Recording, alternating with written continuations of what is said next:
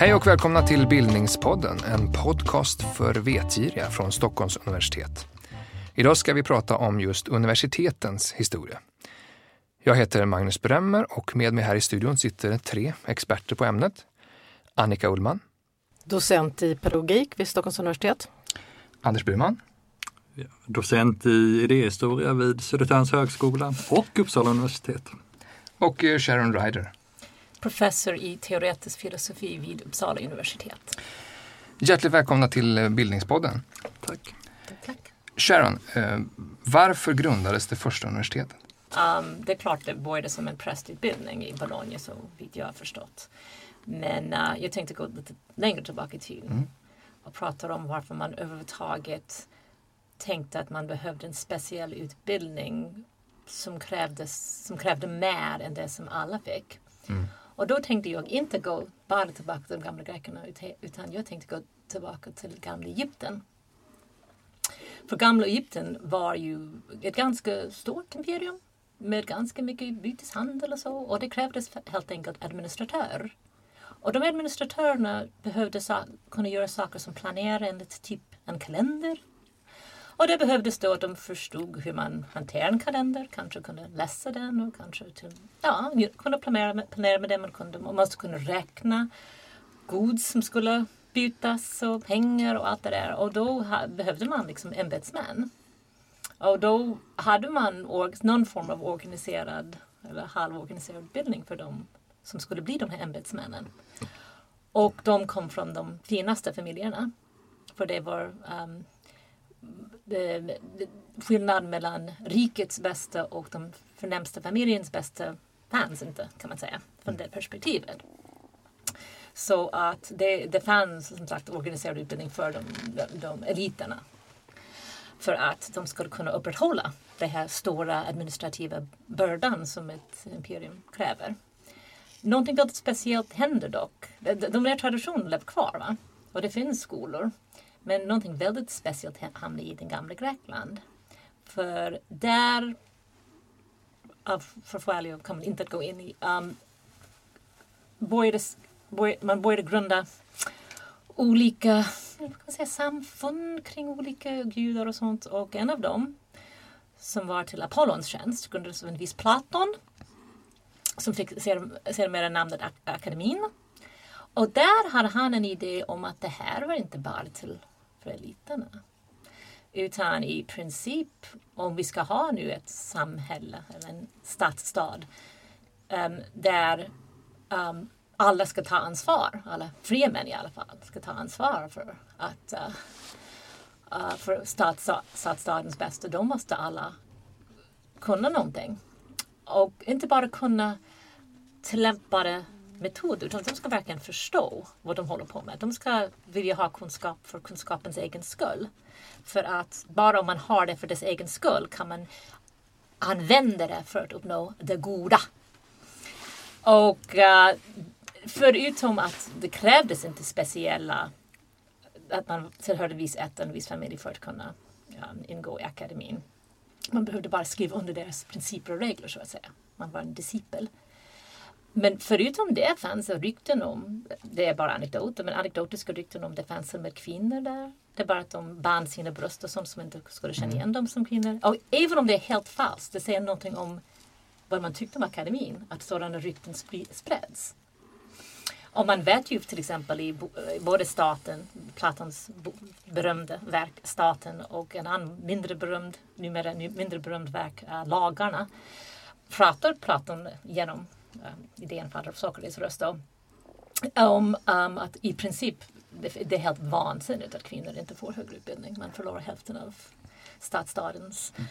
förmågor att leda, äh, leda den. Så det, det, det var ju tokigt. Och så han, det var uppenbart att Platons idé, det här, den här akademin som han grundade som fanns i flera hundra år. Det lades ner typ 400-talet om jag får det får Anders korrigera sen, men ungefär så.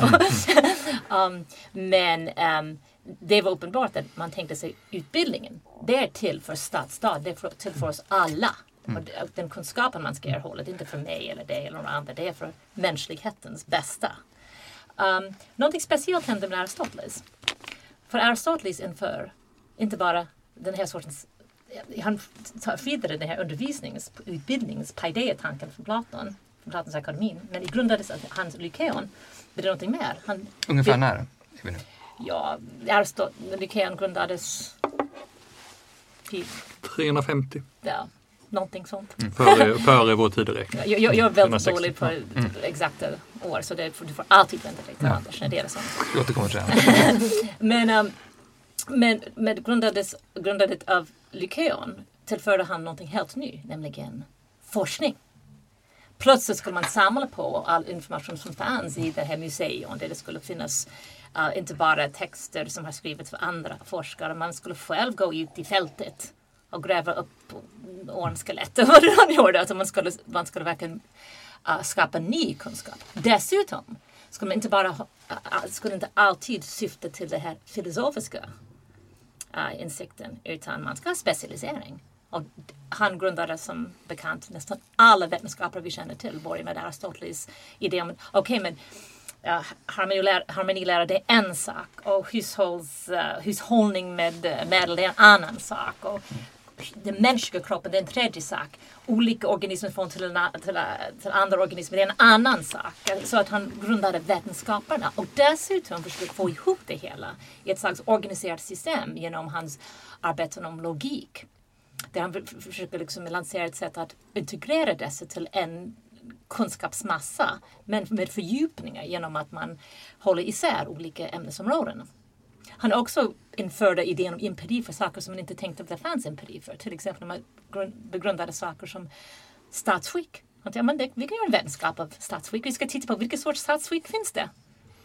Vilka sorts lagar finns det? Vi kan göra en empirisk undersökning. Så, så där kan man säga Lykeon i någon mening, i andlig mening, skulle jag vilja sä- säga var det första universitetet. I någon andlig mening. Det grundas en sorts idé som, som sedan Det, ja, universitet grundas precis. på. Som, som visade sig vara väsentlig när man um, sedermera grundade de riktiga första universiteten i Bologna, Paris eh, under medeltiden. Men det här, Aristot- det här aristoteliska idébygget var väsentligt. Så jag bara lägger in en sak till innan Anders komma in. En sak som också viktigt, eller väsentligt var att man tog det här stoffet um, från Aristoteles som också stod ju väldigt mycket till grund för det, det universitetet kan man säga, kvasi-universitet som grundades i Alexandria senare. Um, men en väldigt viktig tanke um, med um, de un, under vad vi, alltså, när det romerska imperiet äh, raserade. Så romarna var aldrig speciellt bra för att förnya någonting av det grekiska vetenskapliga arvet, förutom en vetenskap, och det var juridik. Och nästan allt vi känner till av liksom juridiskt tänkande härstammar från det romerska juridiska tänkandet. Och bland dess, i det här tänkandet fanns något som heter idén om en korporation, där man gav de här olika religiösa grupperingar rätten att forma sig som en juridisk, juridisk person på samma sätt som uh, prästerna fick och um, uh, lite andra grupp, grupperingar fick forma sig som en enhet med skattebefrielse och så genom de korporationerna. Om vi Och blandar det här är ett frö till universitetet. Ja, precis, om man tänker på den här kooperationen, så kan man bara rent strukturellt och organisatoriskt och koppla det till det aristoteliska idébygget. Då har man början till vad som ska bli medeltidsuniversitet. Vad betyder universitet? Det betyder enhet egentligen, att man tänkte en kooperation. Från ett, ett latinskt ord. Ja, precis. Så det blir, det blir liksom allting blir ett.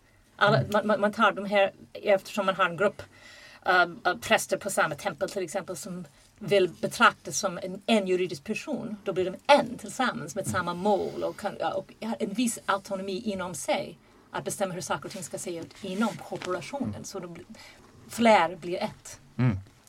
Var, om vi går framåt i tiden då, var, var grundas det första lärosätet som kallar sig för, för ett universitet?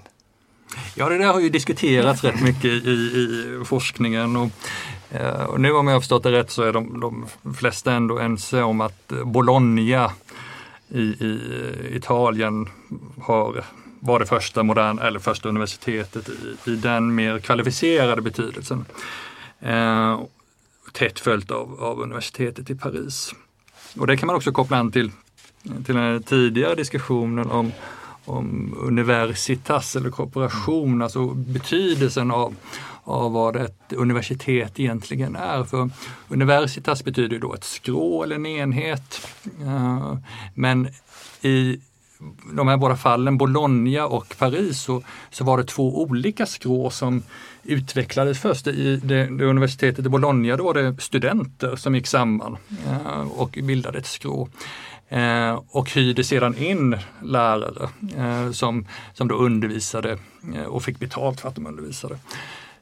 Eh, men det, men det ledde ju till en väldigt stark studentmakt. Om, om studenten inte var nöjd med någon lärare så kunde de avskeda honom. Det var ju alltid honom här. Eh, medan i Paris så var det tvärtom. Då var det fria lärare som gick, som gick samman och sedan samlade studenter runt omkring sig, eller ungdomar runt omkring sig. Eh, men, men detta sker någon gång slutet av 1100-talet, tidigt, tidigt 1200-tal. Hur påverkade den där skillnaden miljöerna utöver att studenterna hade större makt i Bologna? Ja, det, det har nog till saken att universitetet i Bologna, den, den, de studenterna som läste där, de var ofta lite äldre till skillnad från hur det vanligtvis var under hela medeltiden. Det vanliga i det tidiga universitetsväsendet var att de ungdomarna som kom dit var väldigt unga. Yngre tonåren, inte, inte sällan. Um, och det enda förkunskapskravet som egentligen fanns det var att um, man, skulle, man kunde latin. Um, och sen skulle man ju förstås gärna ha gått i katedralskola eller någonting sådant.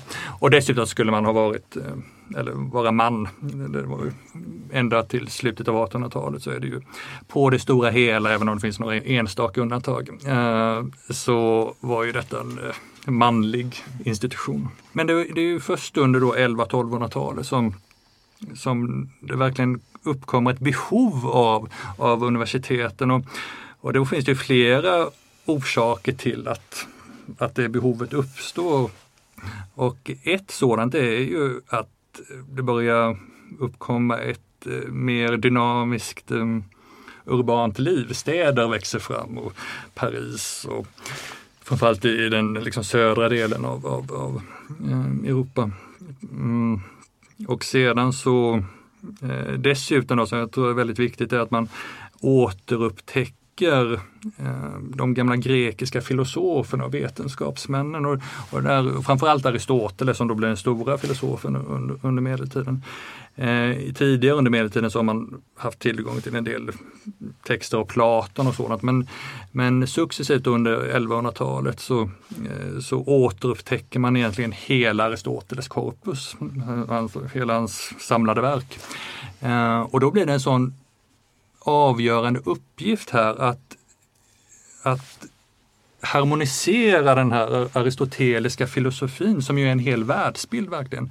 Den förklarar allting från, från Gud till hur stenar faller, hur man ska leva sitt liv. Och, och, och så vidare. Hur, hur, den ska kunna harmoniseras med, med um, den kristna världsuppfattningen, den kyrkliga världsuppfattningen.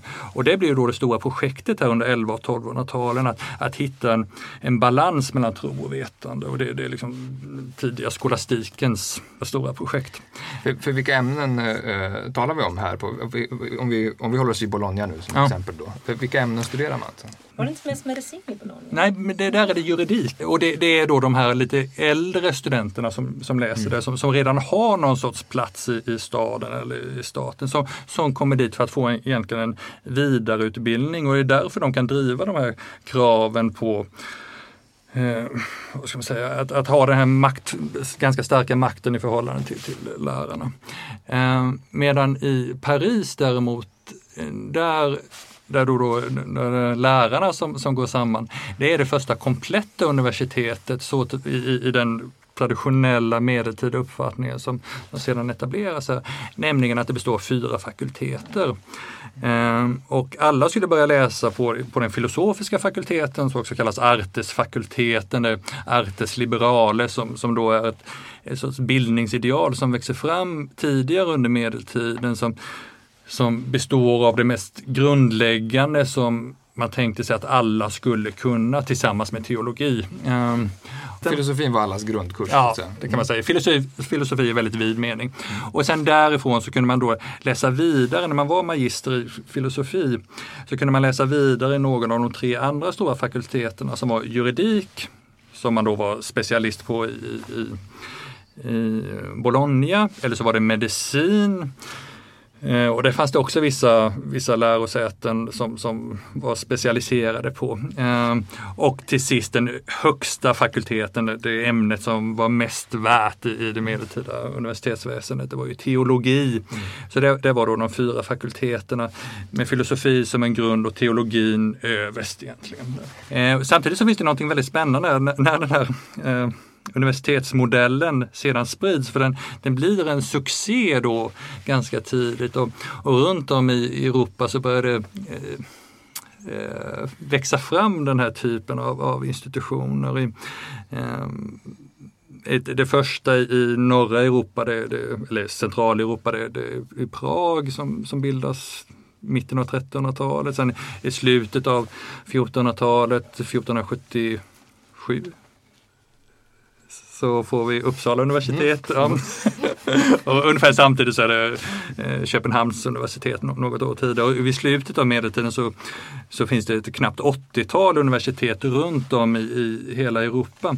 Och de där, det är verkligen en enhetskultur för man, man kunde då om, om man blev magister eller i, i, i något ämne så fick man då rätt att också undervisa vid andra universitet och det var många som började läsa i Paris och sedan kanske flyttade över till, till, eh, till Uppsala eller, eller åt andra hållet. Um, och, och på det sättet så var det liksom en produkt av det som man ibland kallar den, den medeltida eller högmedeltida enhetskulturen. Det var verkligen ett, ett enhetligt Europa eller Västeuropa på den tiden. Då. Eh, och det intressanta är ju när, när enhetskulturen sedan splittras successivt under, under från slutet av 1300-talet och framåt och, eh, så finns ändå universitetet kvar. Så, så det, den, det blir ett arv som finns kvar ända in i modern tid och, och egentligen till och med efter reformationen där ju Europa splittras väldigt mycket i vissa avseenden så, så förblev universiteten sig ganska lika över hela Europa. Eh, trots de här skillnaderna, teologiska skillnaderna. Då. För att fortsätta där så, så är det ju också slående då att det verkligen är ett helt och hållet kunskapsreproducerande, en, en kunskapsreproducerande institution. Kunskapen finns redan, det finns inga anspråk på, ingen, ingen vilja att ta fram ny kunskap utan det viktiga är att lära den kunskapen som finns och det färgar då också av sig på vilka undervisningsmetoder eller undervisningsformer som finns här. För, hur, hur ser undervisningen ut på, i Paris och Bologna? ja, den helt dominerande undervisningsformen var då kanske precis som idag, det, det, var föreläsningar. Bara att på den tiden så var det rent bokstavligen så att, att läraren läste före och studenterna skrev av då. Va? Men läste före i någon auktoriserad, ur, någon auktoriserad text. Eh, och, då, och då var ju det viktiga att, att studenterna lärde sig det som stod i den texten, tog till sig det. Och sedan så förutom detta så förekom det också någon form av övningsdisputationer. Och det, det fina med detta det är ju att det viktiga inte var vad man eh, vad man argumenterade, vad man hävdade. Man, man behövde inte ha skrivit texten själv ens. Utan det viktiga var att man kunde argumentera för en viss ståndpunkt. Mm. Så på det sättet, så, och detta gällde det är också ända fram till, till, till och med 1700-talet, att studenterna inte behövde skriva de avhandlingar som de disputerade på. Det kunde professorn göra, för det viktiga var att man kunde föra argu en argumentation kring att varför detta är viktigt eller riktigt. Och, och, det är ytterligare bara ett exempel då på att, att detta inte är en kunskapsproducerande institution. Och när den vetenskapliga revolutionen sedan då utvecklas under, under 1600-talet framförallt, det sker ju i väldigt hög grad utanför universiteten. Eh, i, i fria akademier och sådant. Och, och naturvetenskaperna i, i modern mening, hela, hela den utvecklingen som, som ju då börjar någonstans i slutet av 1500-talet, den här stora ex, explosionen. Um, transformeringen av, av hela världsbilden. Eh, den är ju i allt väsentligt inte knuten till universitetsmänniskor utan sådana som kanske har haft en universitetsutbildning men sedan är verksamma utanför universitetet. När, när får universitetet sin moderna form? Ja. Anders? Jag skulle vilja fortsätta lite med andra spåret. Nej, men alltså att, innan så sa jag ju att, att universiteten ser ungefär likadana ut i, i framförallt under medeltiden men, men i, i, stort sett också, även om det, det hände någonting med, med, under reformationen, protestantismen och sånt. Men, men i stort sett ser universiteten på det stora hela likadana ut ända över hela Europa, eh, ända fram till slutet av 1700-talet. Men sedan från tiden kring, kring 1800 och framåt så kan man urskilja olika nationella traditioner av den högre utbildningen. I, i Frankrike då så har vi den stora franska revolutionen 1789 och framåt. Eh, och under den eh, eller det leder till att man, man stänger ner de gamla universiteten Paris och andra då eftersom man förknippar universiteten med den gamla ordningen, l'ancien regime, precis det som, man, som revolutionärerna tar avstånd från. Universiteten är för, förbundna med det. Så därför så lägger man ner de universiteten och skapar då en, en en ny typ av högskolor som, som kallas de stora högskolorna, Grande Écoles, som då är de här eh, École Polytechnique, École mm, eh, Normal Superieur som fortfarande finns kvar som, som en sorts professionsinriktade eh, högskolor som då är mycket mera nyttoinriktad. man, man, eh, vid Ecole Polyteknik så skulle man utbilda, uppgiften var att utbilda ingenjörer som kunde göra bra kanoner, effektiva kanoner som man kunde skjuta tyskar och engelsmän. Ehm, och, och, och, det lyckades man med och, och samma sak så så professionaliserades på detta sätt också utbildningen då inom läkarkonsten och så vidare. Och, och detta blir en en viktig del av den högre utbildningen sen, sen under 1800-talet. Man kan tänka här i Sverige till exempel på Karolinska institutet som, som skapas några år in på 1809-1810 som då är en, en, en, en ny typ av, av högre utbildningsinstitution i Sverige som då har den här franska modellen.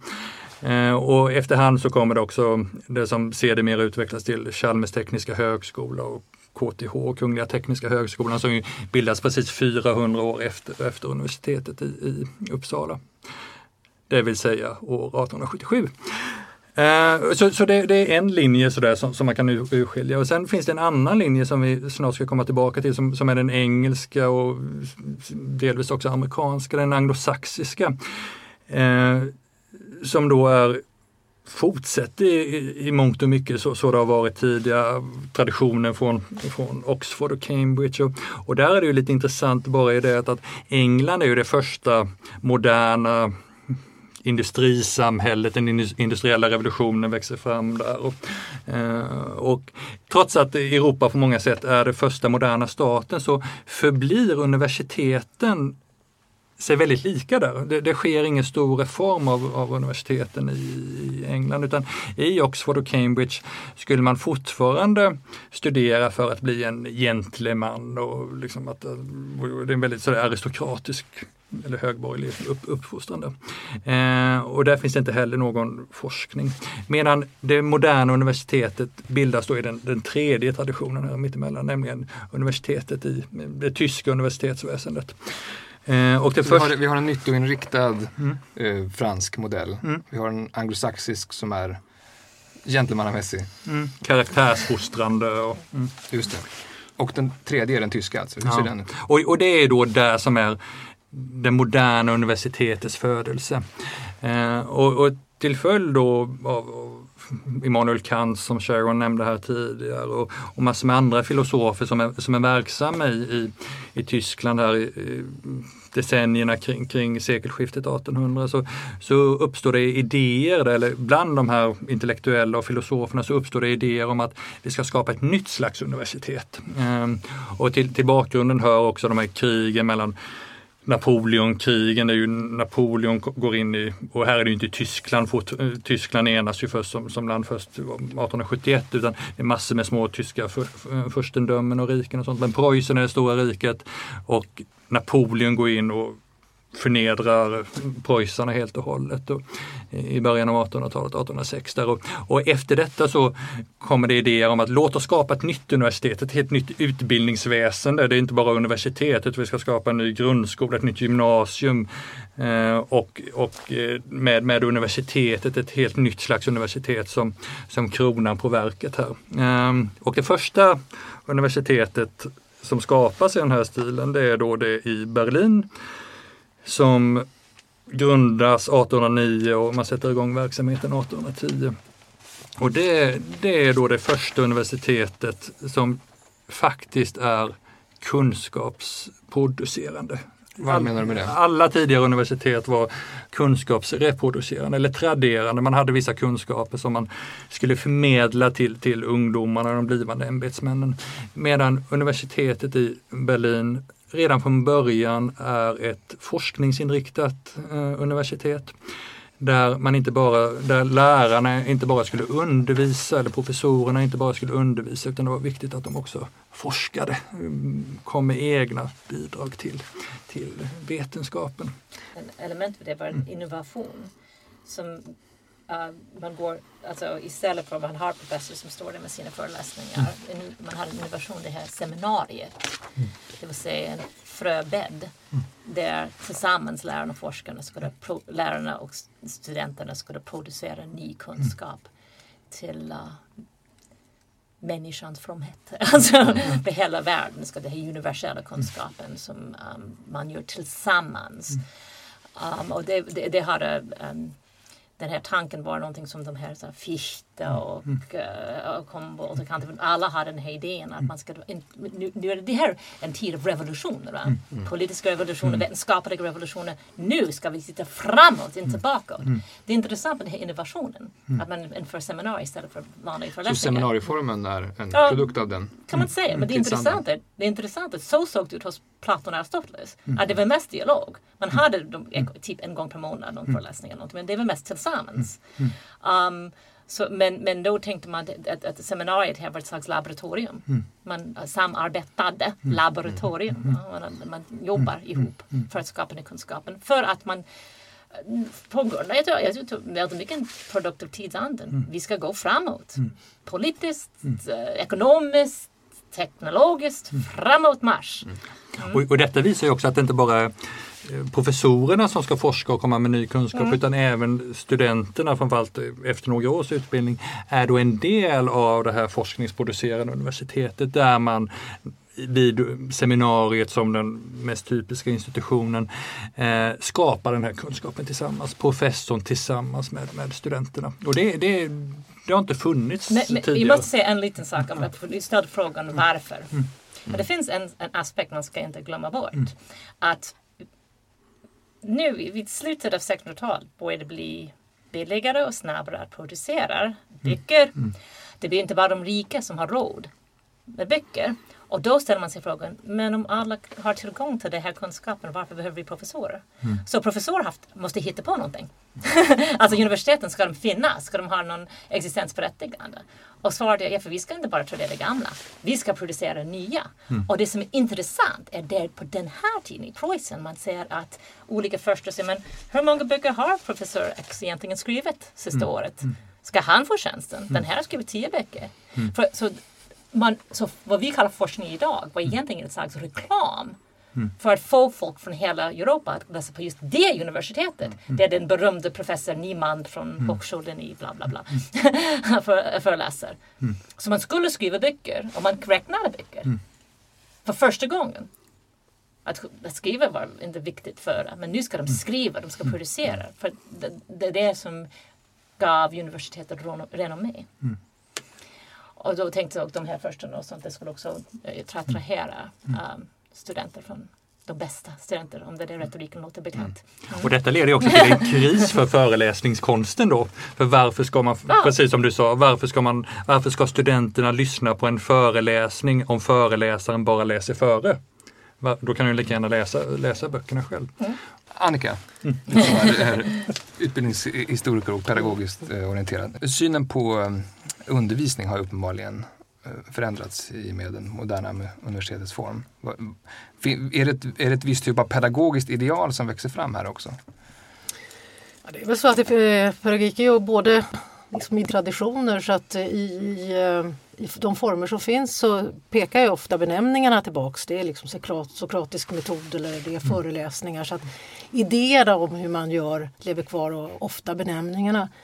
Sen är det klart om när vi flyttar oss raskt då genom tusen talen fram till 1800-talet mm. och det hela börjar byggas upp ett utbildningsväsende och ett utbildningssystem mm. så kan vi se många prov på hur ja, pedagogik inte bara är en idé utan det är också det som händer som har möjligheter att hända inom en viss eh, organisation eller i en viss tid beroende på vilka som är där och hur många de är. Anders, vilken av de här tre universitetsmodellerna blir mest inflytelserik i Sverige? Jo, eh, vid mitten av 1800-talet, 1850-talet, början av 1850-talet så är det en stor universitetsreform i Sverige. Och det finns ju bara två universitet i Sverige vid den här tiden, nämligen Uppsala och, och Lund. Eh, och då tar vi över den, den tyska modellen. Och, det, och, i praktiken så kommer det innebära då att från och med mitten av 1800-talet så, så behöver studenter vid svenska universitet skriva sina egna avhandlingar som de disputerar på, för det hade de ju inte behövt tidigare. Det blir ett eh, krav på att professorerna inte bara ska föreläsa utan också forska själva. Eh, och efterhand så införs också seminariemodellen. Så, så det blir den tyska modellen som, som blir den dominerande vid de stora universiteten. Men sen har vi då också de här högskolorna som jag nämnde, KTH och, och, och um, Chalmers, Karolinska institutet, som, som mer följer den här franska professionsorienterade högskolemodellen. Ja, Annika, eh, när, när blir universitetet tillgängligt för en bredare allmänhet? För det sker väl under, under 1800-talet, eh, gissar jag? Ja, det är en utveckling som man kan säga äger samband med hur skolsystemet eller skolväsendet byggs ut och sen systematiseras. Där hur då? Med folkbildning, eller, alltså hur då 1800-talet eh, bär fram idén om att eh, det ska byggas folkskolor Eh, ut över hela landet och att också då läroverket inte bara ska eh, vara grund för eh, statliga ämbeten och präster utan att det också är för de mm, nya naturnäringarna. Och, eh, och folkskolereformen det är 1842. Och sånt där. Vad betyder den för, eh, för vägarna in till universitetet för fler människor? Från och med 1842 då så så får vi i Sverige ett parallellskolesystem där, där folkskolan är för det stora flertalet människor, allmogen, bönderna, de fattiga i städerna. Och de, och, och de, de, får den här folkskolan som är disciplinerande, som är liksom för kung och fosterland och allting sånt. Men sedan så finns det en annan linje som är den som går via läroverk.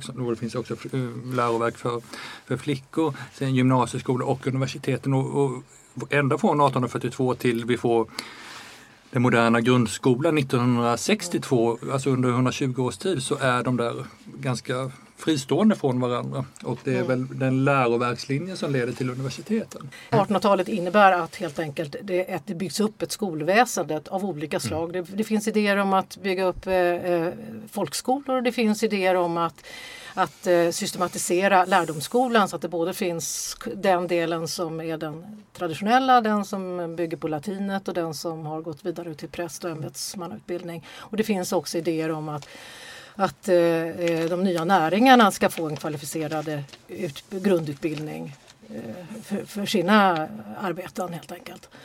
Och eh, allt eftersom skolväsendet i dess olika delar byggs ut så ställs också krav på att det ska systematiseras, hänga ihop, att det ska finnas möjlighet att gå från ett, en sorts skolform till en annan. Och här bland de olika skolformer som dyker upp så finns också flickskolor och högre flickskolor. Och i det här systematiseringsarbetet där blir då också frågan om kan de flickskolorna eh, ge studentexamen? Kan flickor ta studenten? Och det är ju den biljetten som behövs för att komma vidare på universitetet. Så att, fanns, det, eh, fanns det inga andra hinder så att säga vid den här tiden? Utan det, när den examen blev möjlig Ja, det är klart att det finns många hinder. Här är ju liksom en samhällsutveckling som det händer många olika saker. Men i, eh, kring 1860-talet så är det flera olika utbildningar, högre utbildningar som börjar öppnas för kvinnor. Och på 1870-talet så får då eh, de kvinnliga läroverken rätt att utfärda eh, upp till eh, student, dimensionsstudent. Och eh, därmed så finns den här biljetten färdig också för att eh, kvinnor kan komma in på universitetet. Men det är naturligtvis en mängd olika frågor som hänger samman med mm. eh, eh livsformer för män och kvinnor under den här tiden så att det här är inga enkla samband. Men det är klart att om man ser det som ett systematiseringsarbete så är det intressant att se när, när det uppstår möjligheter att, liksom, kapita att eh, mm. kapitalisera, att eh, växla biljetter, att komma vidare. Men så här öppnas ändå vägar in för fler på universiteten. Både från eh, studenter av andra kön och också från andra klasser? Ja, allt eftersom det här skolväsendet systematiseras så att det finns möjligheter att eh, komma från ingenstans eller från, från långt borta. För det här är också inte bara en fråga om, om eh, tid, är också en fråga om plats. Genom att folkskoleväsendet byggs ut så uppstår det också utbildning över hela landet och genom att järnvägen byggs ut så finns det också möjlighet att resa från de små folkskolorna in till centralorter med läroverk. Och från läroverken fanns det möjlighet att sen söka sig vidare till i första hand då eh, Lund och Uppsala.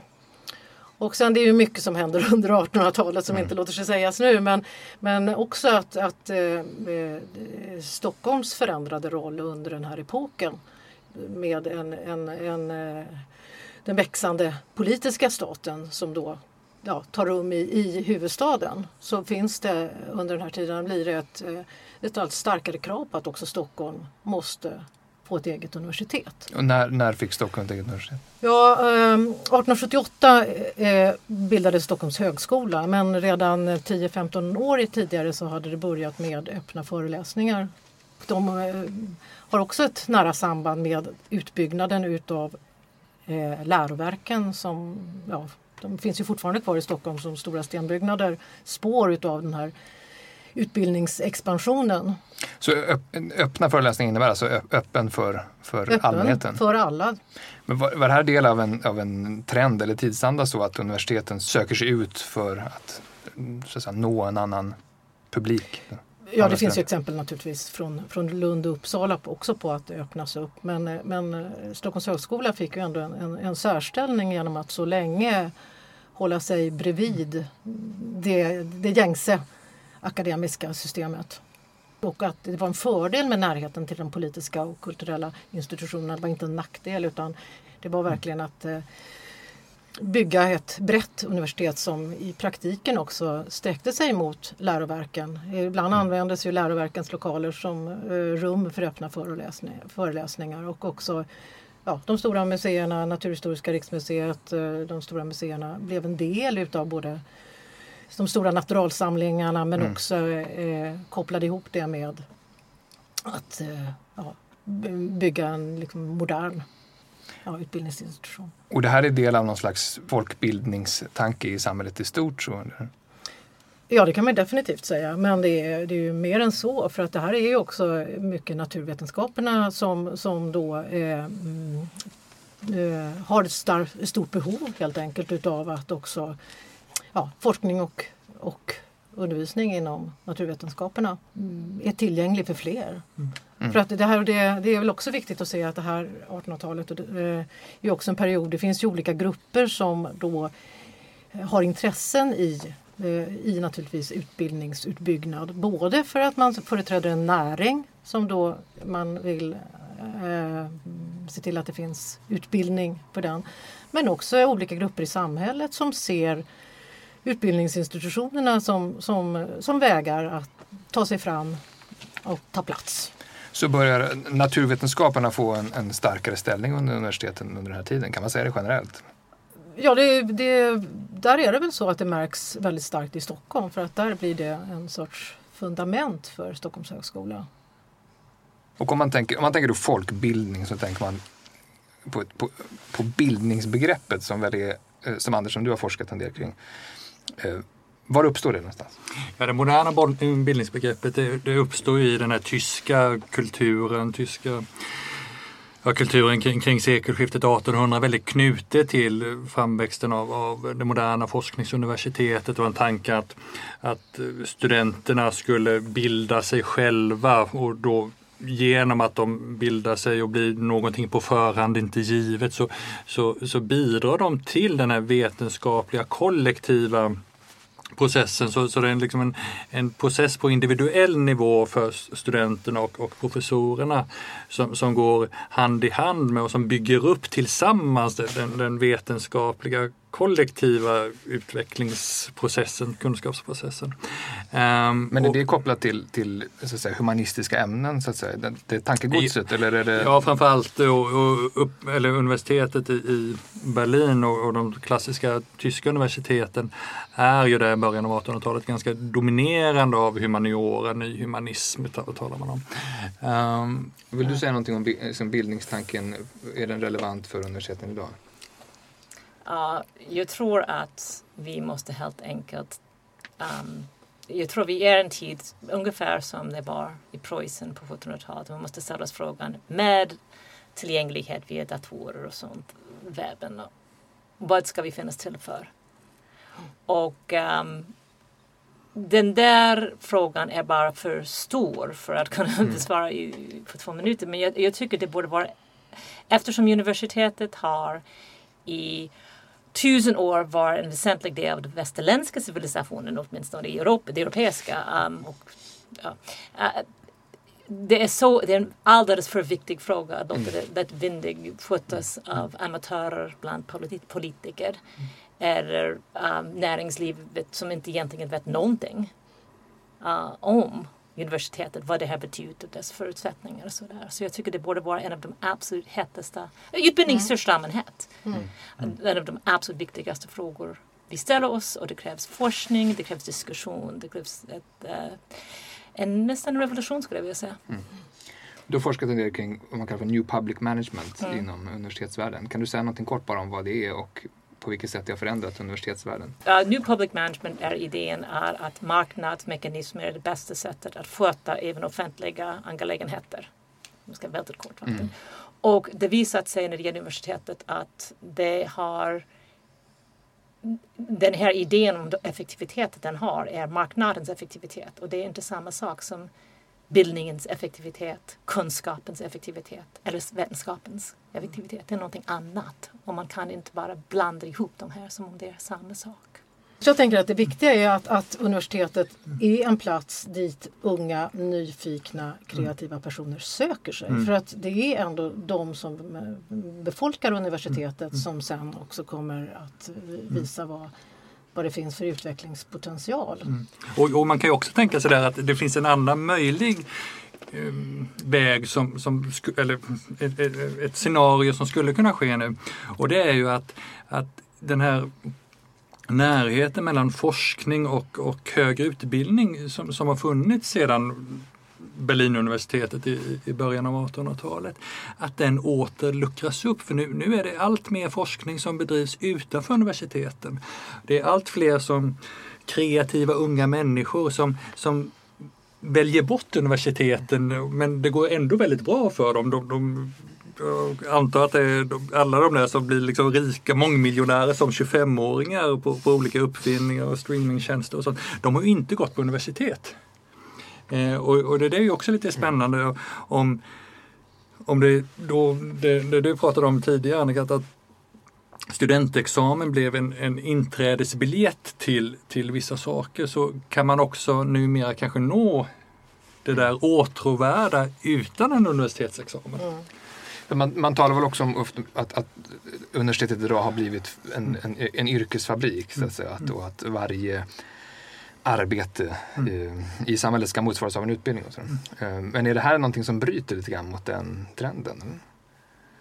Alltså, vi befinner oss i ett, en stor utmaning som Sharon sa. Alltså, mm. Vi står inför ett val och mm. det är ganska viktigt hur vi resonerar och hur vi tänker inom den absolut närmaste tiden.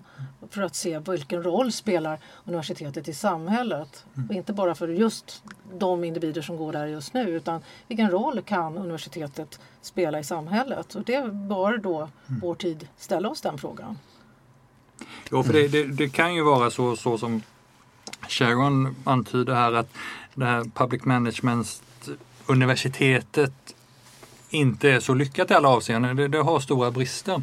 Eh, och det är väldigt lätt att kritisera det. Men, men det är ju också det är inte självklart att gå tillbaka till det gamla bildningsuniversitetet av, av tyskt 1800-talsmodell. För det, den byggde på helt andra förutsättningar och då gäller det snarast att hitta någonting tredje här idag mm. som, som då är vad universitetet eller högskolorna och det kanske är universitetet respektive högskolorna. De kanske kommer ha helt olika uppgifter att fylla. Men vilka uppgifter de, de ska ta på sig och vad är det viktigaste som vi ska ha de här förnämliga institutionerna till som ju är faktiskt en av de äldsta institutionerna som fortfarande fungerar. Vid sidan av, av den katolska kyrkan så är universiteten den, den fortfarande fungerande institutionen, den äldsta fortfarande fungerande institutionen mm. som finns i Europa. Är det en tredje väg som går någonstans mellan nyttotanken och, den, eh, och bildningsidén? Alltså det handlar ju om att analysera vad, vad, vad samhället, alltså det, det handlar om att titta på ut över hela samhället. Vilken roll kan universitetet spela i den samhällsutveckling som vi har? Det handlar om internationalisering, alltså det, det handlar om det globala det handlar om, om de utmaningar som, som som vi har på den nivån och se vad, alltså i, både i form av kunskapsproduktion och kunskapsreproduktion. Vad kan just universitetet spela för roll i det här? Sen finns det ju andra aktörer också som ska spela viktiga roller. Och sedan kan det också vara så att det, det är fel idag att fråga om universitetens uppgifter.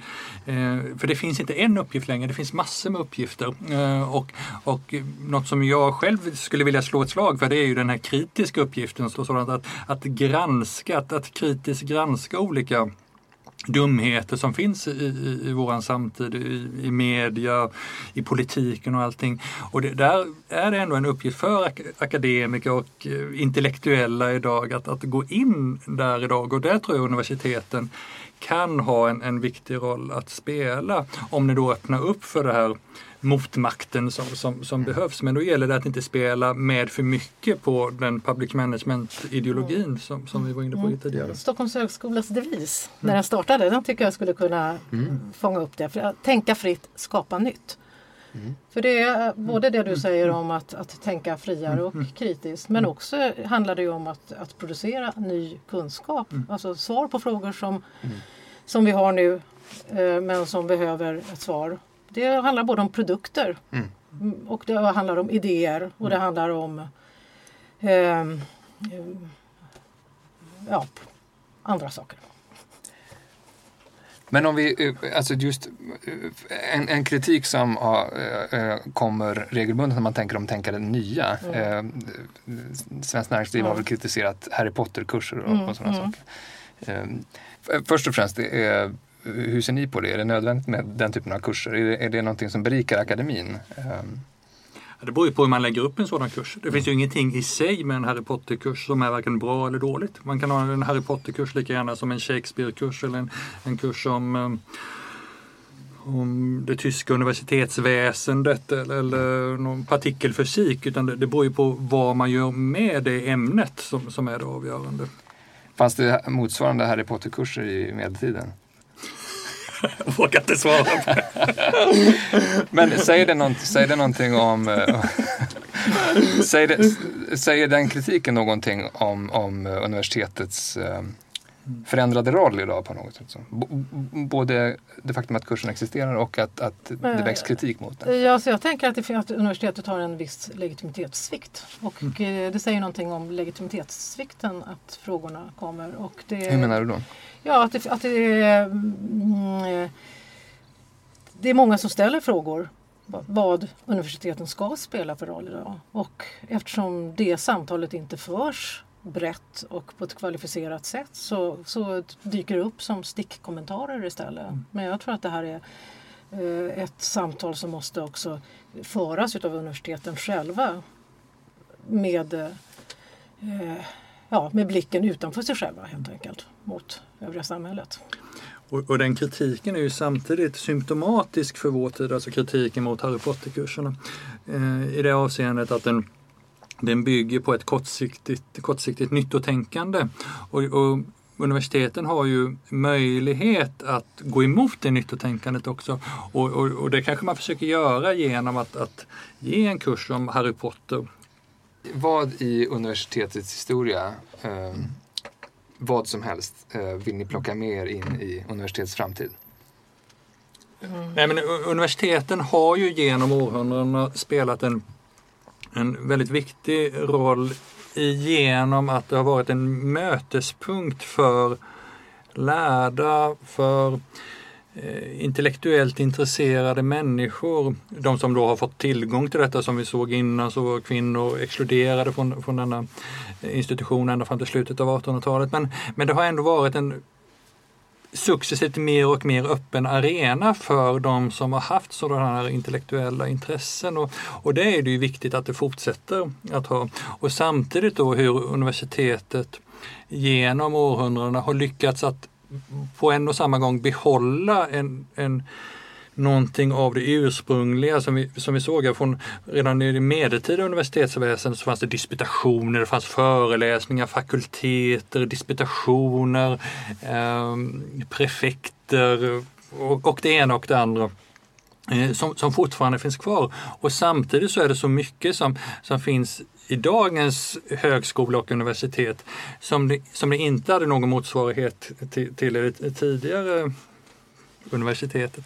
Ehm, och det gäller det väl att det fortsätter att utvecklas på detta sättet och då att vi inte blickar allt för mycket tillbaka på hur det såg ut 1800 i, eller 1810 i, i Berlin eller eh, 1960 i, i Berkeley eller någonting sådant utan att vi verkligen lyckas att att göra någonting som är i, i, inte bara i takt med tiden utan som vågar utmana olika föreställningar som finns i tiden. Mm. Jo, nej, men jag tänker på liknande sätt, alltså att, det ska vara, att, att, äh, att det finns en tradition som är så gammal som man kan bära, stå på, stå på och bära vidare är någonting som man mm. bör förvalta och använda. Men också att, att genom sin forskning och genom att just vända sig till den yngre generationen så har den också framtiden i, i sin hand och eh, därmed också ett ansvar inför framtiden både i det vi forskar om och de som, eh, de som går här som då ska eh, förvalta den kunskapen in i framtiden. Så att jag tror att det är just det här med rötterna i långt bak i historien som vi hörde och sen blicken långt fram som är det viktiga. Varmt tack för att ni var med i Bildningspodden. Tack. tack. Fler avsnitt finns som vanligt på bildningspodden.se och eh, ni kan också följa oss på sociala medier, Facebook, Twitter och Instagram. Tack för att ni har lyssnat. Du har lyssnat på Bildningspodden, en podcast från humanistiska fakulteten vid Stockholms universitet. Producerad av Magnus Bremmer och Claes Ekman. Podden spelas in på Språkstudion och tekniker är Henrik Nordgren.